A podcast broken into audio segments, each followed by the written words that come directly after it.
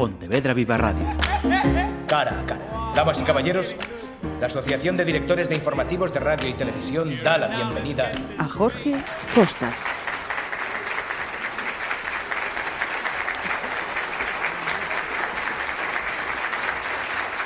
Saludos, ¿qué tal? Volvemos a invitar al cara a cara a este mm, productor, director de animación. Él me dirá si mm, le ponemos otra etiqueta. La anterior ocasión en que Jorge Costas había estado aquí en Pontevedra Viva Radio había estado acompañado de Sergio, su hijo, que había escrito un cuento titulado O monstruo e a nena, y su padre pues había tirado de profesión y lo había ilustrado. Y ahora ampliando sus habilidades profesionales, eh, lo que ha hecho es un corto de Un monstruo de la nena. Así que lo primero, después de todo speech que acabo de soltar, bienvenido de nuevo, Jorge. Gracias.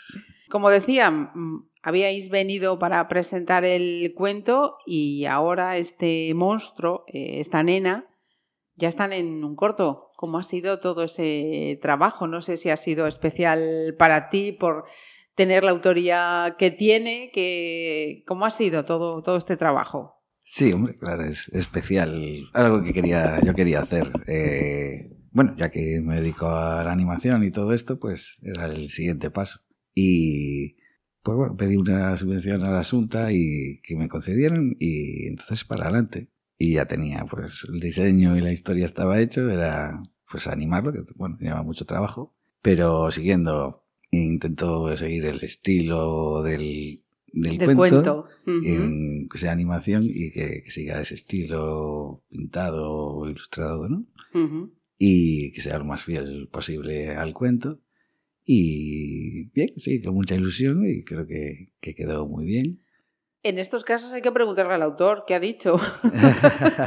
le ha gustado, le ha gustado aunque ahora como ya está un poco mayor, lo del cuento ya le parece como de pequeño, ¿sabes? Estas cosas pasan cuando yo era pequeño, ahora ya... Sí, sí, le parece como de pequeño, o sea, el cuento ya... Sí, Qué grande pasa el tiempo, claro. Para él es... Es lo que, es lo que hay. Es cuento para niños. Ya. Uno va teniendo años. Claro, claro. Entonces... Y de, momento eh, va a haber una presentación, estás trabajando en ella a ver cómo se introduce, cómo está la cosa. Eh, bueno, por ahora quedará este año pues eh, meterlo en festivales. Intentaré, intentaré meterlo en festivales y, después dentro de un año así pues ya se verá si, si se ponen abiertos, pero por ahora bueno, en la época de, de, de mandas a festivales, pues Requiere su tiempo, claro. No, tenerlo puesto abierto en internet, porque no le gusta que, la gente mm. vaya a ver el, corto ahí. Claro, si se estrena, se estrena. Hay que hacerlo como Dios manda. Sí. Y bueno, bien, ya, está escogido, en, seleccionado en algún festival. Ah, qué bueno, qué bueno, qué bueno. Sí, sí, sí. Y bueno, por ahora creo que aún no puedo decir los nombres. Vale. Más adelante. Pues nos alegramos que haya esas, esas buenas noticias. Claro, en un cuento lo que tenemos es el texto, eh, son las ilustraciones, pero cuando pasas a un corto mm, también hay que ponerle una banda sonora. Mm. Eh, cuéntanos ahí que, con quién has eh, colaborado. También tiene su musiquita, cuéntanos. La música está genial del corto, la hizo Cristian Franganillo, Cristian Franganillo Parrado que es con el que yo siempre trabajo para hacer las músicas de mis cortos. Ya hizo Marusiña Nuevo Amor y una de Feto PO2 que hicimos para Cocina Pontevedra, que había hecho la canción y la música y, y siempre cuento con él porque, pues bueno, porque es muy bueno y, hay que escuchar. La música del corto realmente está perfecta para el ritmo, para la historia. Ciertamente. Me encanta. Y después también está la narradora del corto. Esperemos que no desmerezca mucho. no vamos a decir nombres. No decimos nombres. bueno, que investigue. que investiguen a ver si la reconocen. genial eh, la narradora. Había una vez un monstruo o que lle doía un corno.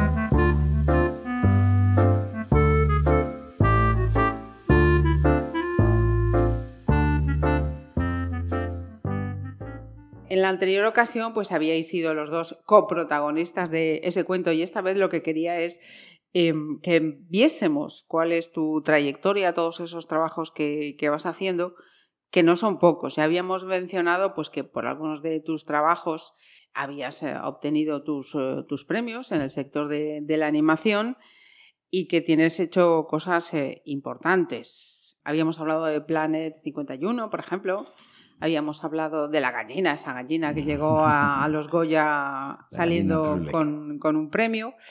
Pero también has hecho más cosas. Por ejemplo, yo tengo aquí un personaje que se llama el Abo Patacas.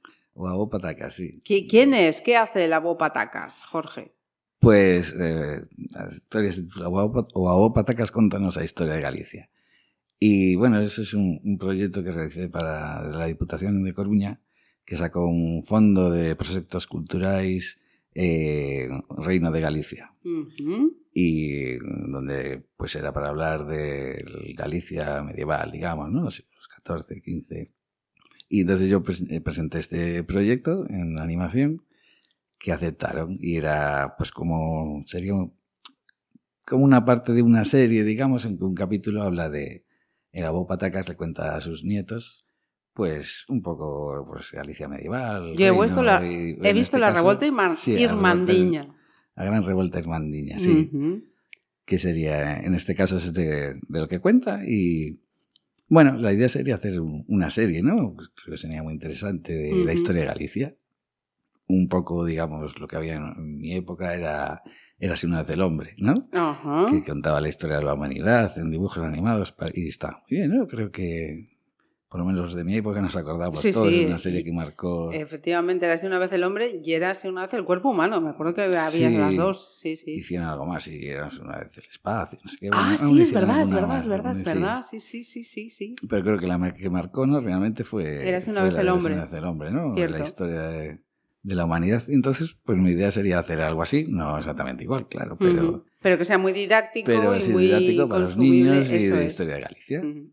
Yo he visto, lo he visto y la verdad es que es totalmente recomendable para que los papis se lo pongan a los peques en casa y para que los profesores también lo utilicen como material didáctico, que me parece que, que es muy, muy, muy atractivo sí, para yo, los peques. Yo creo que el, el proyecto podría ser muy, uh -huh. muy, interesante, muy atractivo, sí. Sí, sí. Y lo tienes además subtitulado, he visto, para, para personas eh, sordas. Sí, pues para que llegue a, a todo claro. el mundo, ¿no? Uh -huh. Bien, pues recomendable 100% o abo patacas, que os lo vamos a enlazar, eh, tanto en esa información promocional que hacemos en Pontevedra Viva como en este texto de, de cada capítulo del, del a os lo enlazamos para que no tengáis que andar a buscarlo, lo ponemos más, más fácil y posible.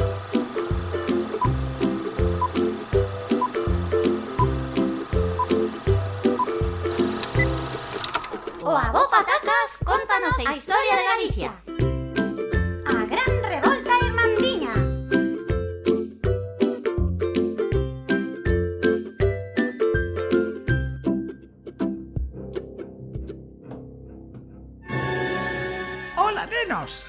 andades a facer? A patacas! Pois estamos a ver unha película que se chama A máquina do tempo. Está moi ben, ainda que dá un pouco de medo. A máquina do tempo, patacas. Eu teño unha máquina do tempo. De verdade? Non, home.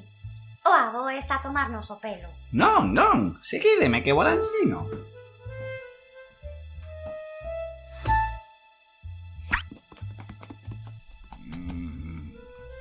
Historia de Galicia. Pero xa é só un libro. Xa che dixen eu que era unha broma. Que non, patacas. Pechade os ollos e escoitade. O século XV é un tempo desgraciado para as xentes de Galicia. Os señores feudais, lonxe dos reis, campan as súas anchas facendo desfacendo o seu antollo. Desde os seus castelos cobran impostos abusivos aos seus vasalos e, no canto de impartir xustiza e darlles protección, cometen todo tipo de crimes en castigo. Onde estamos, abopatacas? Mirade! Alí hai un castelo! Están a saltar!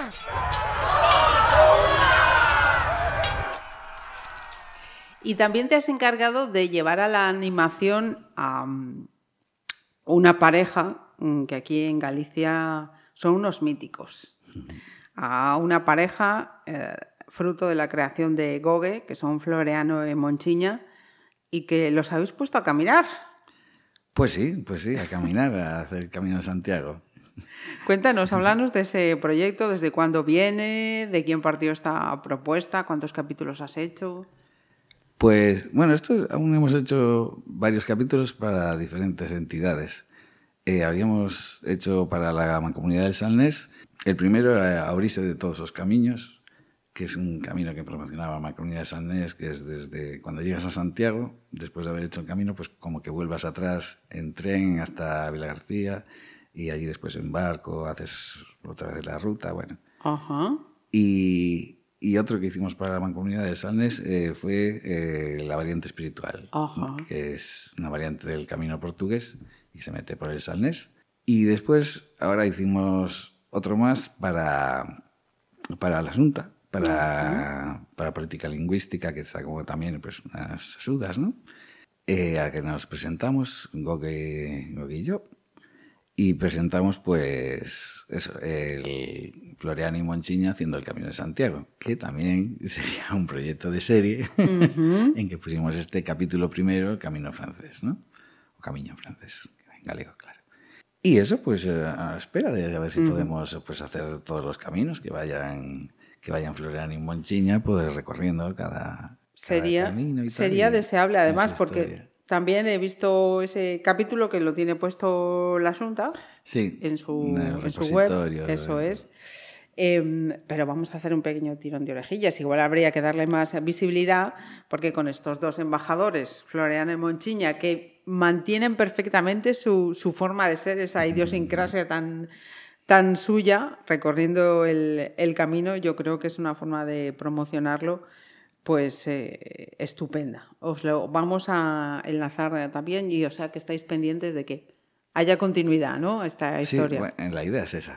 La idea es esa. Hacer cada, pues cada camino, ¿no? Cada camino portugués, el camino inglés, ir haciendo a los personajes, sí, sí, eh, recorrer cada camino.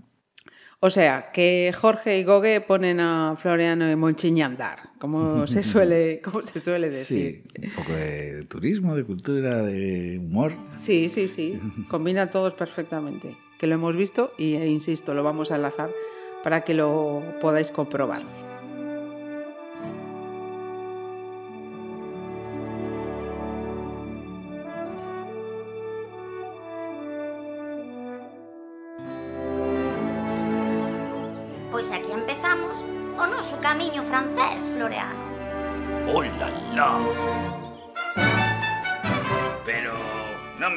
Así, muller. Como diseches o de francés, pois... Un pouco de humor hai que ter, ou que?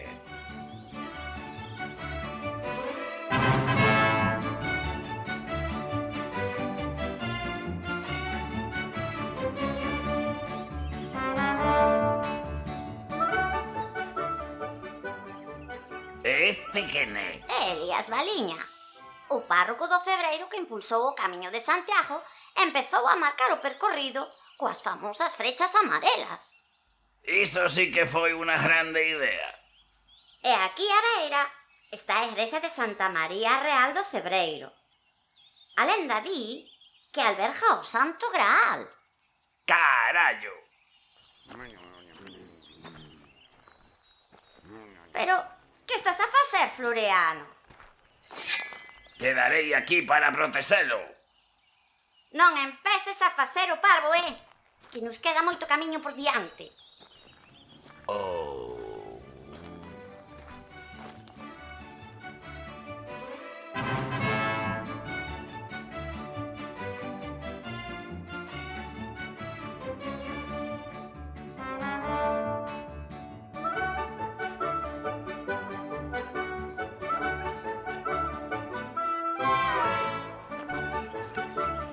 che parece maravilloso febreiro? Sí, sí, é increíble. As lendas, as pallofas, as paisaxes... O sabor, o cheiro, a textura... Pero, de que falas, Floreano? De que vou falar?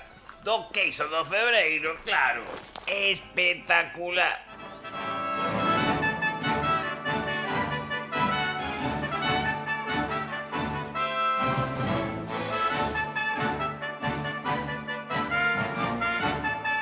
Eh, vamos también a mm, otro personaje, o personajes, dos mujeres en este caso, que confluyen en otro proyecto en el que has colaborado. ¿Cómo llegas a la casa de Rosalía y a Marusha Villanueva? Cuéntanos. Bueno, es a través de, una persona que conozco, que se llama Pancho Tristán, que tiene una empresa se llama Orestes Comunica y, y trataba con la casa de Rosalía y, y me propuso la idea esta de hacer eh, un, un avatar, ¿no? un personaje virtual de, de una persona que realmente existía, que es la Marusa Villanueva, que era la que presentaba la casa en su momento. Y pues eso, la idea era, pues ya que esa persona había estado tantos años enseñando la Casa Museo de Rosalía, pues hacerla en 3D y que presentase ella la visita virtual. Y ahí nos pusimos y, y creo que quedó bastante bien, porque hasta familiares de ella me han dicho que, que era tal cual. O sea que, Ah, qué bueno. sí, lo cual me gustó mucho cuando me lo dijeron. Ujú.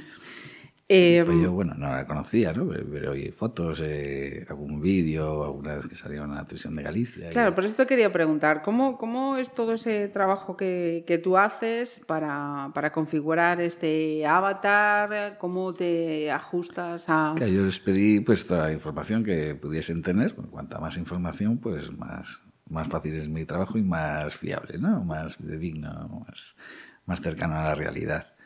Y eso, pues fotos, vídeos, hice un diseño del personaje a partir de las fotos, les gustó y a partir de ahí pues se podrá en 3D, texturizar, animar y el personaje pues eh, se mueve y mueve los labios al- con esa voz y, y bueno, creo que quedó muy bien. Ajá. He leído que em, para esto es posible que eh, habías trabajado con un equipo israelita de programadores especializados en metaverso.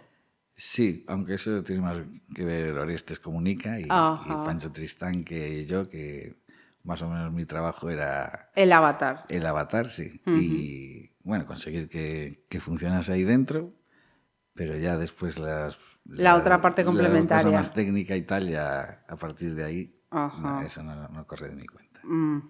Y mm, más cositas, eh, porque mm, hay una cosa que me llama la atención. Teniendo un profesional como tú que está haciendo todas estas cosas, os falta eh, visibilidad. ¿Qué pasa? Sí, supongo. Eh, no sé, bueno, yo soy bastante tímido, así que lo de vender no se me da bien. Entonces, mí, yo soy más ratón de biblioteca, ¿no? Encerrarme Claro, en pero mi habitación y hacer ese, las ese cosas. trabajo habrá que, Sí. que visibilizarlo más, Yo creo, ¿no? Bueno, tengo confianza en que son cosas que vienen después, ¿no? También que, o sea, que no son, no pasan, no tienen una fecha de caducidad, digamos que, Ujú. pues el corto del cuento de Mostra Nena, pues ahí queda, ¿no? Volverá o Patacas, pues ahí queda y creo que en algún momento volverá. Ujú. Floreará y Monchiña seguirá viviendo aventuras. Son cosas, creo que no tienen fecha de caducidad, ¿no? Ajá. Entonces, Llevan sus tiempos. sí, Y yo decía que mm, personas profesionales que, tenéis eso, un- una habilidad y una trayectoria y un trabajo eh, que no pasa desapercibido, quería hacer con eso una introducción para hablar de mm, Fernando de Felipe, que es guionista, historietista aragonés, que ha reeditado un libro. Sí, bueno, es- está hace- reeditando toda, toda su producción. Ah, ese Sí. dato, ¿ves? Pues este hombre es muy curioso, era en los años 80, 80, 90, 90, un crack de- del cómic español, digamos que estaba en su punto más alto, y, pero él decidió dejarlo y ahora se dedica a dar clases de cine en, en Cataluña y, y, pues ya está, decidió dejar de hacer cómics. De hacer cómics. que ya no le interesaba, prefería esto. Y ahora, pues una editorial ha decidido reeditar todos los suyos, hacer su propia colección. Y pues vino a la librería Paz a Pontevedra un día a firmar ejemplares. Y yo me acerqué a él y le enseñé pues en el móvil, mira, yo hice esto, pero hace en 2011, así creo, hacía mucho, había una, pues una versión de su personaje en, en 3D, ¿no? Que había hecho. Y le gustó mucho y dijo, pues oye, mándamelo que esto en la reedición del cómic de Black Decker, pues, Tiene que pues salir. lo pongo, lo pongo y tal. Y bueno, me hizo mucha ilusión. Además, y ahí te- aparece Jorge Costas en esa te- reedición. sí, lo que te estaba diciendo antes de que estas cosas vuelven, Vuelven. de repente. Pues mira, después de 12 años, un trabajo que, que había hecho ahí, en plan, pues para mí, la verdad. No, Ajá. Un fanar, quería aprender un, eh, un programa nuevo de modelado y tal, y, y decidí que decidí que, pues mira, voy a coger este personaje y tal, y, voy a probar con él. Y mira, pues Ahí muchos está. años después, de repente sale publicado. Pues nada, mucha ilusión, claro. Hombre, me imagino, claro, lógicamente. Además es que mm, lo, resalta, no es que sean dos líneas. Mm, Lo compráis, lo leéis y veis esa, Sí, esa estupenda referencia que hace de Pone Jorge. Fernando un comentario muy, muy bueno sobre mí, me Sí, gustó, sí. me gustó. ¿Y ahora en qué estás, Jorge? Pues ahora eh, estoy haciendo una animación para unas exposiciones que se llama Ciudades, Ciudades No Tempo, Ujú. que son las siete, siete ciudades de Galicia principales, pues como un poco el mito fundacional. Bueno, las, las exposiciones van sobre eso. Las ciudades son, hemos hecho Santiago, eh, Ferrol, Lugo, ahora estamos haciendo Coruña, y quedan eh, Vigo, Pontevedra y. Orense. Ujú. Y bueno, mi parte es sobre unas ilustraciones que me da un ilustrador que se llama Miguel Robledo, muy bueno. Pues yo animo un poco esas, esas, esas ilustraciones, Ilustraciones. Y, y hacemos un pequeño mini corto de dos, tres minutos. Y es parte de la exposición, después hay, hay muchas más cosas. Ajá. Esto de Ciudades eh, No Tempo es iniciativa de quién, Jorge. Eh, de la Asunta con, con una fundación. Ajá, vale, perfecto. ¿Y hay una La fecha que... se- Manuel Gago. y- Ajá. De momento estáis trabajando en ello, o sea, no hay una fecha O sea, próxima. se, se han señalada. ido, esas que hicimos ya se han, Ah, ya se han ha habido la presentado. exposición, Ah, sí. vale, vale, sí, vale. sí.